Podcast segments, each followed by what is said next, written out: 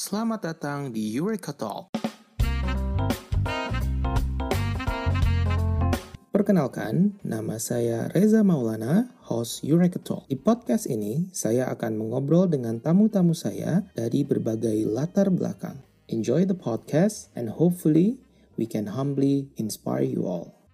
Sabrina Wardani atau saya biasa memanggilnya Sabrin sejak 2015 bekerja di salah satu BUMN yang bergerak di bidang dirgantara. Dia berpengalaman di bidang manajemen komunikasi dan memiliki gelar master di bidang tersebut dari Universitas Indonesia. Hari ini kami akan mengobrol tentang jenis dan tips komunikasi yang efektif dan efisien. Selamat menyimak. Selamat malam teman-teman semua. Kembali lagi di Eureka Talk episode kedua. Hari ini saya sudah bersama tamu saya Sabrina Wardani. Halo Sabrin, apa kabar? Halo Ja, Alhamdulillah baik. Kamu apa kabar? Alhamdulillah baik juga, surviving. Mana kerjaannya sekarang? Uh, apakah masih nyampur WFH sama WFO atau sudah full WFH? Karena PPKM diperpanjang, kita masih WFH total sampai tanggal 30 31 31 Juli ya. Mm -mm. Jadi sampai akhir bulan kita masih WFH total gitu. Semuanya dikerjakan remote di rumah masing-masing. Gitu. Terus gimana keluarga di Tasik sehat-sehat? Alhamdulillah sih sehat-sehat semua. Adik aku juga kerjanya full WFH, jadi masih di rumah. Mudah-mudahan sih aman terus ya. Amin, amin. Alright, untuk ngobrol hari ini aku mau mulai dari uh, masa SMA. Karena waktu di SMA itu kalau nggak salah waktu kamu kelas 12 cita-citanya tuh pengen jadi dokter. Bener nggak? Masih ingat aja bener banget ya bener bener bener. Aku tuh dari SMA tuh memang merancang masa depan aku tuh pengen jadi dokter. Jadi makanya aku hmm. masuk IPA masuk IPA udah gitu ikutan ujian mandiri ujian mandiri. Dulu kan zaman kita sebelum senam PTN tuh ada ujian mandiri kan ujian mandiri semuanya kedokteran gitu kecuali Unpad. Aku ngambilnya oh. SMUP dan kayak langsung banting setir gitu karena aku ditolak 5 PTN ya jadi jadi ya coba cari untuk backup plan-nya aja sih. Oke. Terus berarti uh, keputusan buat akhirnya kuliah di Vkom itu pada saat itu bukan tujuan utama Bukan sih sebenarnya, itu kan memang backup plan. Jadi selama ujian mandiri ditolak lima universitas itu kayak mikir kan, aduh gimana nih kalau misalnya nanti sampai akhir aku nggak dapat PTN karena kan ngejarnya PTN ya ya.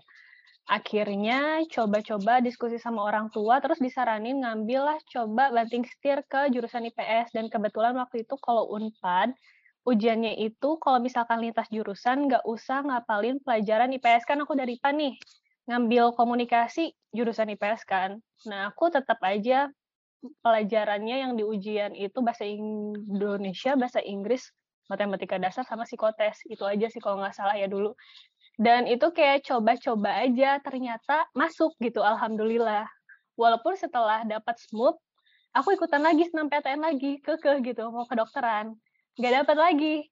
Satu tahun kuliah di Vkom Unpad ja. Aku tuh mahasiswa kupu-kupu. Kuliah pulang kuliah pulang. Masih belajar MIPA bayangin itu kayak jadi PTN 2011 aku ikutan lagi. Gagal lagi tapi ya udah. Nah baru dari situ kayak oh ya udah mungkin rezekinya di Vkom Unpad ya gitu. Akhirnya dilanjutin lah di komunikasi. Nah gimana kuliah di Humas tuh bisa bangun mindset kamu sampai sekarang bisa ada di dunia profesional Mm-mm. Jadi pertama itu kalau di kampusku dulu ada yang namanya ospek jurusan ja. Setiap hmm. uh, konsentrasi kita punya ospek jurusan yang memang itu mencerminkan bagaimana public relations officer nyata kerjanya kayak gimana gitu. Hmm. Waktu itu orientasinya cukup lama sih, sekitar tiga bulan gitu dan satu minggu itu ada full benar kita dirancang untuk jadi PR agency gitu. Semacam PR agency mulai kita bikin press release, bikin press conference, hmm. bikin PR campaign. Jadi mulai dari situ kerasa serunya sih ja kayak hmm. gitu. Mulai dari situ akhirnya semester 3 mulai mata kuliahnya emang udah konsentrasi ya dasar-dasar penulisan humas gitu. Yang ternyata sampai saat ini tuh berguna gitu di kerjaan aku sekarang. Public speaking udah pasti kan. Udah gitu bikin PR campaign tentang PR kontemporer juga, ngelola medsos kayak gitu-gitu. Dan sebenarnya mata kuliahnya itu kalau dibandingin sama jurusan lain ya, mau itu yang ada di Vkom juga atau mau ada di fakultas lain, kita tuh bisa dibilang cenderung santai gitu. Hmm. Jadi tugas-tugas itu dikerjainnya sambil main karena beneran lapangan ya. Kayak misalkan gimana kita ngerancang CSR, program CSR satu perusahaan gitu. Waktu itu aku tuh sampai company visit ke beberapa kayak Blitz Megaplex gitu-gitu kan. Dulu kita cari gitu mana yang bagus, terus udah gitu dianalisis dan itu tuh nggak susah sih. Jadi ujung-ujungnya main ya. Jadi nggak kerasa beneran kuliah di Humas. Tahu-tahu lulus skripsian ya udah gitu. Skripsian lulus dah Oke. Okay. Gitu aja sih. Nanti lulus 2014 ya? 2014. Nah, terus kemudian uh, mulai kerja 2015 sampai sekarang udah kurang lebih enam tahun lah ya? Iya, mau enam tahun. Mm. Dan berarti tahun 2018 memutuskan buat kuliah lagi? 2017 sih tepatnya. Alasan utamanya apa? Uh, memutuskan buat kuliah sambil kerja nih? Tantangannya kan lebih uh, mungkin beda gitulah sebelum sebelumnya. Uh, karena dari dulu memang niatnya pengen sekolah setinggi tingginya sih ja entah apa pun ya waktu itu kan belum masih belum tahu tuh mau jurusan apa. Nah dua tahun kerja itu menurut aku hmm. adalah waktu yang cukup dan matang untuk tahu ritme kerjaan kita kayak gimana gitu. Dan mungkin di dua tahun itu tuh hmm. sebenarnya kayak kok kerjanya gini aja ya gitu kan apa nih hmm. tantangannya? Karena pertama juga belum berkeluarga gitu kan masih seringnya main loh. Kerjaan aku tuh enaknya adalah main. Ya gimana lah kuliah di humas juga kayak main-main. Kerjaan juga nggak jauh beda gitu. Paling sibuknya tuh memang kalau misalkan ada event tertentu gitu. Akhirnya daripada hmm, uangnya habis untuk yang tidak-tidak gitu untuk main. Kayaknya mending kita investasi dari leher ke atas dulu deh gitu. Mumpung masih ada semangatnya kan uangnya juga udah kekumpul gitu. Oke. Okay. Nah, berarti waktu uh, postgraduate bukan kehumasan kan ngambil manajemen komunikasi atau sama? Iya, um, memang judulnya manajemen komunikasi, magister manajemen komunikasi kan. Mm-hmm. Cuman ada konsentrasinya lagi aja di sana. Ada empat konsentrasi kayak komunikasi politik, media, korkom, marketing. Gitu. Nah terus kamu ngambil konsentrasi yang mana? Korkom. Oh oke, okay. ya ya. Mm-mm, korkom biar kerjaan. sejalan sama di kantor juga iya nah. kerjaan. Oke. Okay. Nah terus uh, ada perbedaan nggak di level postgraduate atau di level S2 dengan waktu dulu di level S1? Beda sih, beda banget sih pastinya. Pertama, karena beda univ juga ya, Ja. Dulu itu S1 aku, di Unpad itu komunikasi jadi fakultas sendiri. Hmm. Jadi konsentrasinya memang udah beda. Hmm. Sedangkan di UI ini kan visip dari ilmu sosial politik dan kita tuh salah satu jurusan. Nah, dari situ aja udah beda kedua itu tugas. Nah, tugasnya kalau menurut aku ya, mungkin karena aku sambil kerja, jadi aku lebih keteteran dan tugasnya juga hmm, mungkin buat orang-orang yang ngira kalau S2 mah gampang lah gitu kan. Tugasnya cincai gitu, kelompok. Enggak, itu tuh ada tugasnya tiap hari, udah gitu kerja kelompoknya tuh cuman bisa dilakuin pas okay. pulang pulang kuliah. Berarti which is itu malam kan. Aku kuliahnya tiap, tiap malam aja dan tiap hari hmm. Senin sampai Jumat. Mulai dari jam berapa? Mm -mm. Hmm. Tiap hari San. Dari jam 6 atau jam 7 tergantung kesepakatan sama dosen sih sampai jam 9 atau sampai jam 10. Makanya waktu itu juga aku ngekos di Salemba, ngedeketin kampus gitu. Jadi aku ngantor itu nyubuh dari Jakarta dan ternyata memang nggak ada excuse juga sih walaupun itu namanya kelas karyawan ya karena malam kan nggak ada excuse untuk didikitin gitu tugasnya nggak ada gitu sama aja. Karena emang udah konsekuensinya kan lo kalau misalnya mau ngambil S2 ya udah beneran nih kita nggak mau ngelulusin orang-orang yang asal aja. Kayaknya gitu sih ya si itu.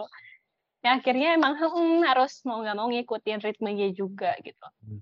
tapi ya survive dan lulus alhamdulillah.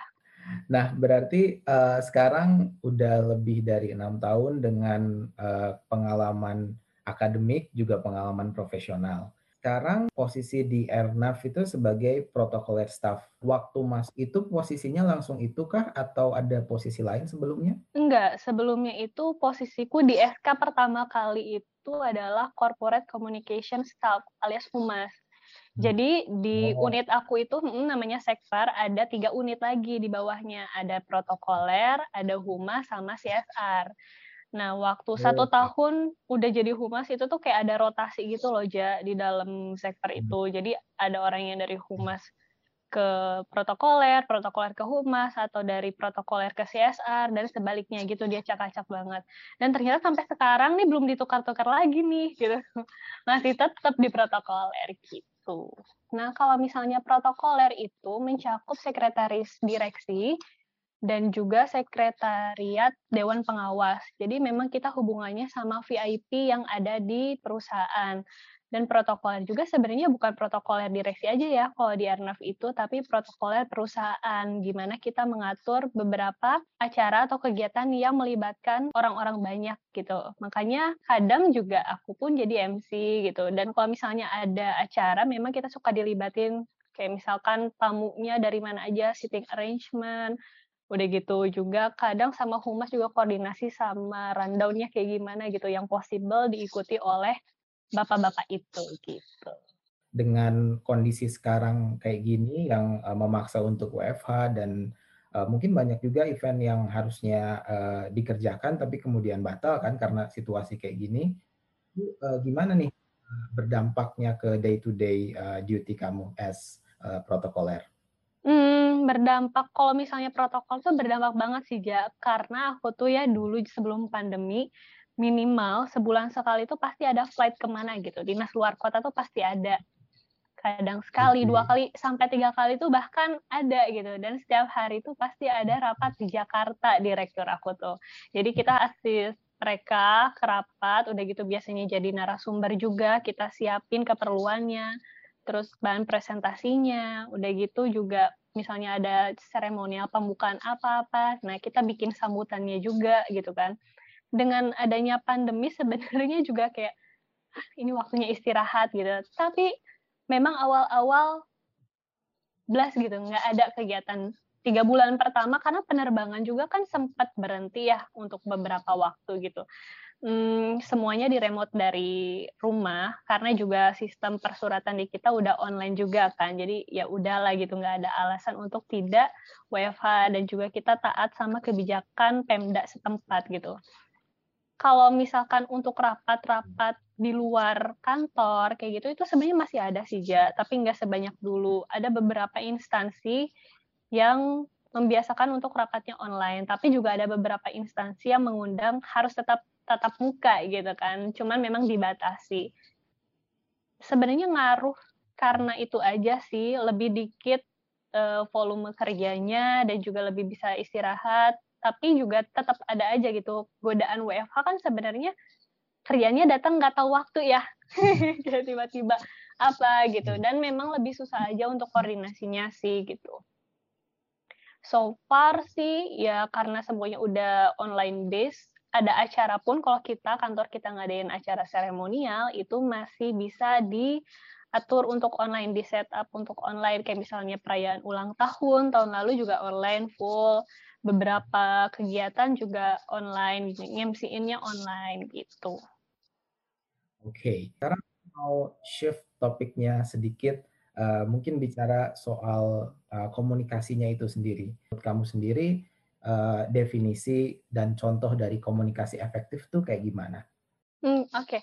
sebenarnya komunikasi efektif itu adalah proses di mana setiap orang atau komunikator itu menyampaikan pesan dan pesan itu tuh diterima dengan baik oleh si komunikannya, oleh si penerima pesan. Jadi nggak ada miskomunikasi atau misunderstanding gitu. Jadi inti pesan yang disampaikan tuh benar-benar nyampe gitu sama si orangnya. Nah, kendalanya sebenarnya kalau misalkan ngelihat di perkantoran Uh, karena adanya beda gap generasi, mungkin lebih ke gaya komunikasinya aja ya. Gaya komunikasi kita kan sebenarnya juga ditentuin sama karakter. Nah, kebetulan di kantor aku tuh presentasinya lebih besar milenial aja. Jadi memang tidak sulit lah kalau untuk aku dalam pekerjaan gitu, nggak sulit. Dan juga kebetulan aku tuh bersinggungan sama direktur gitu kan, dalam kerjaan sehari-hari. Dan mereka pun alhamdulillahnya up to date gitu, maksudnya tidak bukan orang yang kolot dan susah gitu. Jadi komunikasinya simple aja, sama aja sebenarnya. Cuman harus komunikasi yang kontekstual itu gimana caranya seseorang berkomunikasi dengan melihat keadaan dan situasi. Karena kita berhubungan dengan orang yang lebih tua dari kita, tentu ada kan adab-adabnya, etika-etikanya gitu. Nggak bisa ngobrol kayak temen biasa gitu. Sebenarnya sama aja ya, sama kayak ke orang tua sendiri lah kayak gitu gerakan tubuh, ekspresi wajah, nah hal-hal yang kayak gitu tuh mendukung sih menurut aku dan terutama kalau kerjaan aku itu komunikasi nonverbal cukup berarti di bagian aksesoris ya. Nah, aksesoris yang dipakai kita sebagai manusia itu adalah cara komunikasi nonverbal yang berfungsi untuk mengidentifikasikan kepribadian seorang, kayak menunjukkan siapa nih, siapa lo gitu. Jadi kalau misalnya orang bilang penampilan nomor satu ya mungkin bisa jadi sih mungkin kadang aku setuju gitu. Karena gimana pun nggak harus branded sih ja. Apa yang kita pakai itu yang penting bersih rapi dan mencerminkan identitas perusahaan. Apalagi kalau pakai seragam nih ya ya kan? Itu sih. Di sini yang aku pengen kasih tahu ke teman-teman semua sebenarnya ada loh efek lain atau maksudnya faktor lain yang mendukung komunikasi efektif itu. Salah satunya komunikasi nonverbal. Karena komunikasi nonverbal itu sebenarnya fungsinya untuk menegaskan isi pesan dari komunikasi verbal gitu. Dan pasti kelihatannya pas nanti dievaluasi. Biasanya kalau misalnya orang kantor itu menggunakan komunikasi dua arah gitu. Tapi ada satu arah misalnya lagi diperintah sama atasan. Itu kan jatuhnya kita harus melaksanakan apa yang dia minta. Nah kalau misalnya komunikasi efektif berarti kerjaan kita tuh sesuai nanti hasilnya sama yang atasan mau. Tapi kalau misalnya nggak efektif nih ya, pasti aja ada missnya, pasti aja ada salahnya. Nah itu bisa dilihat gitu, gimana sih kemampuan komunikasi antara dua belah pihak. Kita nggak bisa nyalahin sih kalau misalnya ada miss. Kita nggak bisa nyalahin salah satu, nggak bisa nyalahin bawahannya doang. Coba dievaluasi lagi di atasannya. Ngasih perintahnya bener nggak? Terus tanya lagi si bawahannya, kamu kalau nggak ngerti nanya nggak itu sih. Kadang kan memang kok kantorku ya alhamdulillahnya tuh terbuka gitu, maksudnya open. Jadi kalau misalkan ada apa-apa yang nggak ngerti, nanya ya nanya gitu. Bisa langsung disamperin. Ya. Nah, uh, tadi bicara soal uh, contoh komunikasi di perusahaan gitu. Aku pengen tahu dong kalau misal di dunia korporat yang cukup besar gitu, channel-channel apa aja nama perusahaan? Oke, okay, jadi um, kita bagi dua dulu kali ya. Kalau komunikasi korporat biasanya, setahu aku nih ya, setahu aku itu kayak kita dibagi jadi komunikasi internal sama komunikasi eksternal. Nah, kalau internal itu gimana caranya kita meningkatkan engagement antar karyawan atau antar penghuni si lembaga tersebut. Kita kan pasti punya visi misi ya visi misi itu tuh harus disosialisasikan dengan benar ke si karyawannya biar mereka tahu sebenarnya mereka tuh kerja untuk apa sih gitu. Untuk mencapai visi kan berikut misinya tuh kayak gimana. Nah setelah itu kalau misalnya komunikasi eksternal udah tentulah uh, jatuhnya kalau kita itu bagaimana mengenalkan kalau tugas divisi aku sendiri ya bagaimana kita mengenalkan perusahaan ini kepada orang banyak dengan berbagai channel yang tadi aku udah bilang tuh sebelumnya CSR juga itu termasuk salah satu channelnya. Terus juga ada government relations, itu gimana kita menjalin relasi dengan pemerintahan. Ada juga media relations, gimana kita menjalin relasi dengan teman-teman di media. Dan juga dengan era sosial media sekarang tuh terbantu juga sih uh, untuk memberikan informasi kepada sejumlah besar orang gitu mengenai organisasi tersebut atau perusahaan tersebut gitu. Misalnya kebijakan-kebijakan perusahaan, mungkin sekarang cenderung trennya menggunakan media sosial ya, entah itu Instagram, Twitter, TikTok, Facebook juga masih dipakai sih atau juga website perusahaan kayak gitu. Tadi karena kamu uh, sebutin soal sosial media, sosial media memang mm -hmm. sekarang kayaknya jadi primadona ya, mau mm. itu perusahaan swasta pemerintahan itu mereka mencoba memaksimalkan sosial media sebagai uh, channel utama mm. buat komunikasi. Nah, tapi mm Kementerian A itu cara komunikasinya begini. Sementara misalkan Kementerian B ada yang komunikasinya lebih santai gitu. Sebenarnya proses pembuatan persona mm kan itu sebenarnya membuat persona kan, membuat yeah, branding. branding betul. Nah, itu gimana eh, apa mm ada misalkan uh, aturan ABCD yang harus uh, diaplikasikan di perusahaan gitu atau misalkan ya tim aja itu brainstorm kemudian akhirnya jadi personanya. Hmm. Nah kebetulan sosial media ini diurusnya sama unit uh, sama divisi kita divisi sektor gitu. Jadi kita ada tim sosmednya aja. Sebelum kita bergerak hmm, itu memang sih. dibikin pakemnya. SOP lah, SOP-nya biar nggak melenceng gitu. Tujuannya apa nih? Kita tuh untuk mengedukasi, untuk menginformasikan, Terus apa aja nih yang publik harus tahu, yang publik nggak usah hmm. tahu gitu. Itu pasti ada kan batasannya. Jadi nggak semua kegiatan ataupun kebijakan perusahaan itu bisa diakses oleh publik. Sebenarnya itu sih. Dan menurut aku, zaman sekarang kayaknya memang untuk mendukung reformasi birokrasi itu ya, dari pemerintah memang harus terbuka segala-galanya. Jadi uh, sekarang kurang lebih kita mainnya di medsos karena nol rupiah yeah. ya medsos tuh. Tapi eh, jangkauannya tuh hmm. niche-nya tuh banyak gitu sampai seluruh Indonesia bahkan luar negeri tuh tahu gitu kan apa yang terjadi di instansi kita. Jadi memang karena setelah udah ada SOP-nya, nah kita geraklah siapa yang megang misalnya Facebook, siapa megang Twitter, megang Instagram juga mungkin kalau ada yang TikTok ya sekarang kayak happening banget tuh TikTok yang megang TikTok gitu. Dan komunikasinya perlu diingat di medsos itu kan kamu bisa deh perhatiin coba uh, main ke medsos-medsos instansi gitu. Instansi berlabel plat merah mungkin ya. Kalau komen dibalas gak gitu. Kalau nge-DM dibalas gak gitu. Itu jadi ada um, harusnya memang idealnya adalah komunikasinya dua arah kan. Kenapa ada medsos? Ya biar lebih mendekatkan instansi ke publik kan sebenarnya. Dan buat dekat itu memang harus dua arah. Ya kalau misalnya satu arah tuh kayak cinta ditolak gak sih? Kayak ya jauh lagi dong cuy gitu kan. Makanya dengan komunikatif dengan media itu apakah si perusahaan komunikatif atau tidak? Bahkan ada kok perusahaan yang ditutup kolom komennya.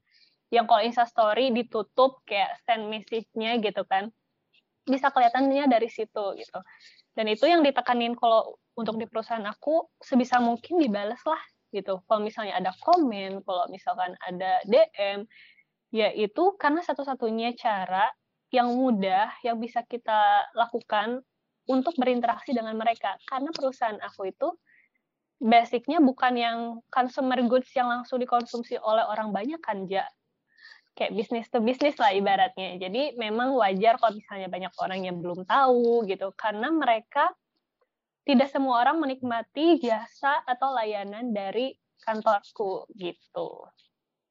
Nah, uh, tadi aku mau push sedikit di uh, pembuatan persona. Tadi kamu bilang sebelum mulai itu bikin dulu SOP mm -hmm. dan nah mm -hmm.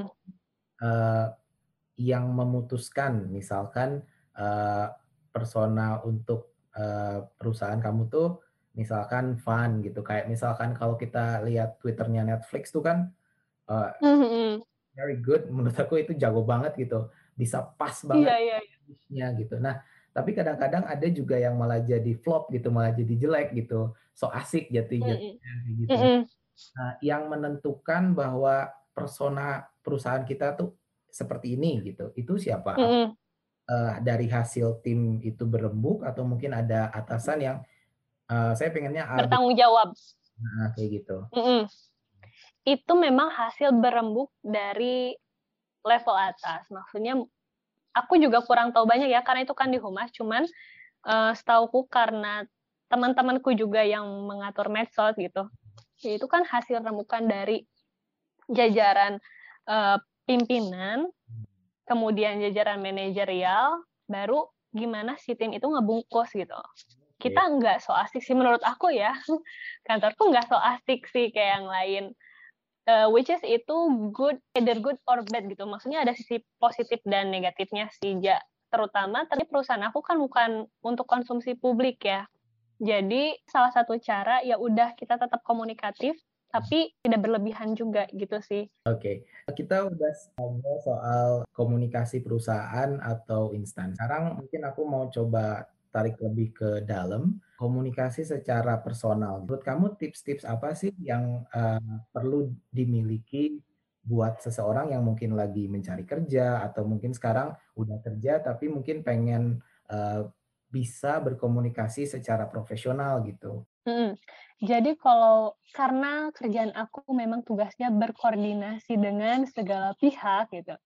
Dan aku juga menemukan apa ya partner kerja aku maksudnya si orang yang berkoordinasi dengan aku tuh dari kalangan benar-benar pejabat udah gitu bawahannya atau ada bahkan aku komunikasi sama drivernya para pejabat itu ya gitu jadi memang beda-beda ya. Tapi satu sih, rumusnya komunikasi itu tuh kita memahami lawan bicara kita. Siapa nih yang kita hadapin sekarang ini? Pertama itu emang harus percaya diri sih kalau komunikasi.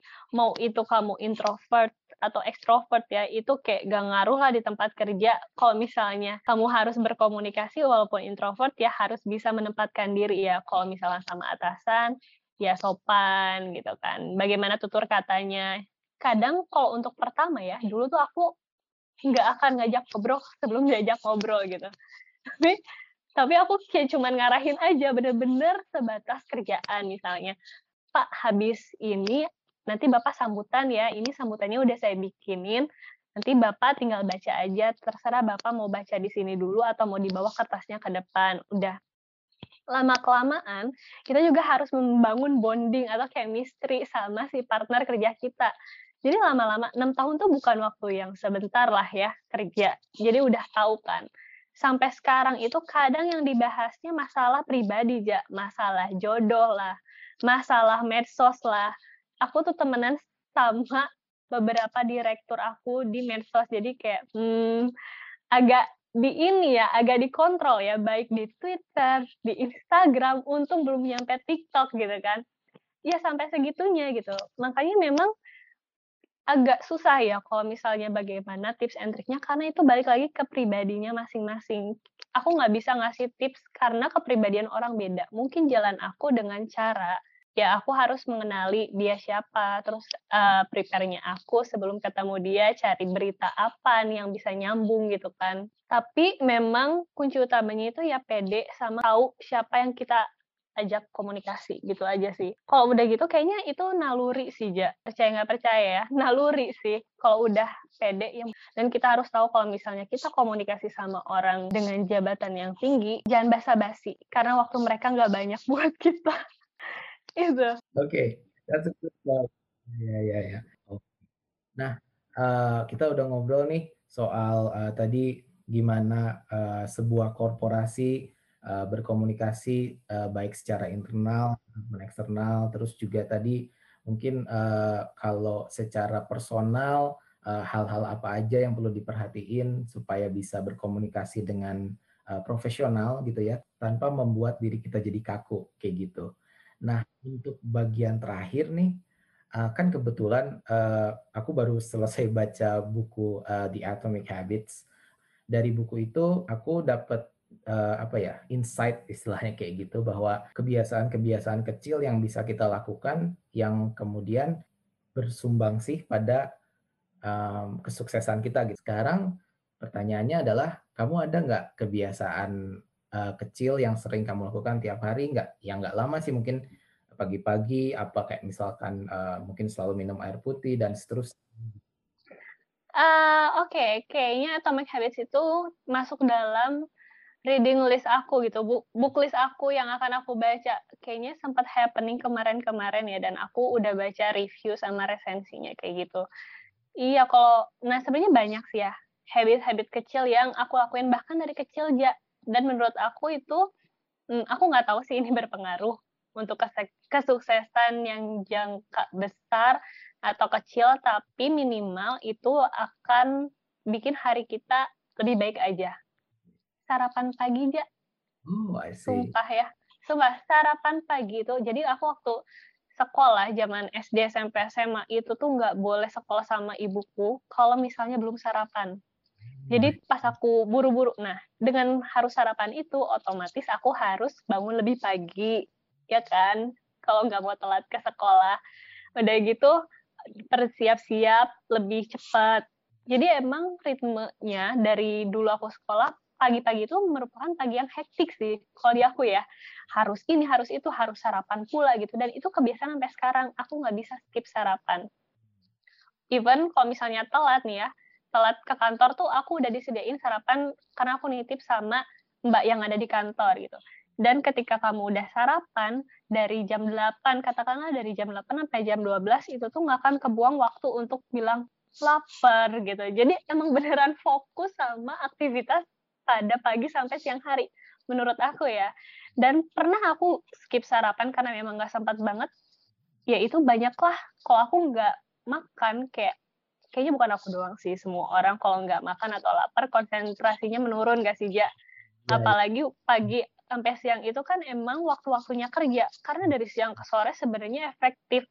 Bekerja menurut aku udah agak menurun tuh daripada pagi sampai hmm. siang. Makanya aku nggak pernah skip sarapan. Dan semenjak pandemi ini sarapannya tuh beneran sarapan sehat. Kalau dulu kan kayak masih nasi lah sama apa kadang mie gitu ya. Yang penting sarapan. Nah kalau sekarang karena ada waktu banyak nih buat spare di rumah, ya udah bikin sendiri dan sarapannya sehat dan itu emang ngaruh sih buat aku sampai sekarang.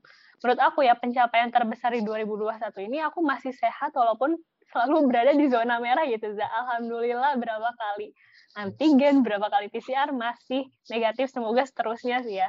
Karena kebiasaan itu sih. Sama uh, aku juga sering journaling. Journaling kayak kegiatan hari ini apa ya, bakal dari pagi tuh kayak kalaupun gak nulis, aku kayak di pikiran aku, oke okay, hari ini jam segini sampai segini aku mau ngapain, jam segini sampai segini ngapain, ya udah. Dan enaknya itu pas di akhir, pas malam kita review lagi nih, evaluasi lagi hari ini udah ngapain aja. Hmm. Itu tuh kalau di tulisan paling enak tuh bagian nyoret dan gitu. Kayak udah nih, udah beres semua, apalagi kalau misalnya semua listnya udah kan. Karena aku jujur tipe orang yang kalau nggak di target itu bakal lost gitu aja sih. Hmm. I see. Jadi mm, memang harus ditulis gitu atau enggak harus dipikirin hari ini mau apa, direncanain lah dengan matang. Itu sih kayaknya. Dan sebenarnya menurut aku Atomic Habits ini bukan tentang habits apa yang kamu lakukan tapi karena kamunya konsisten itu hmm. jadi sukses sih menurut aku. Karena kan menuju ke menuju kesuksesan itu perlu konsistensi ya dalam hal apa pun. Misalnya bisnis ya konsistensi dalam usahanya. Kalau akademis konsisten belajarnya itu kan sukses ya. Sebenarnya menurut aku intinya konsisten aja sih. Mau apa pun ya kebiasaan baiknya I see. Okay, so Sabrin, that's all the question. Terima kasih banget buat waktunya. Semoga selalu sehat-sehat dan semoga selalu sukses karirnya. Sama-sama aja, kamu juga semoga sehat selalu dan sukses sama podcastnya. Tetap berkarya. Pokoknya di masa pandemi ini emang kita harus banyak-banyak ngelakuin aktivitas yang positif lah ya, biar gak bosen dan juga nambah insight sih sebenarnya. Ngobrol sama orang kayak gini tuh satu terapi juga sih menurut aku. Oke.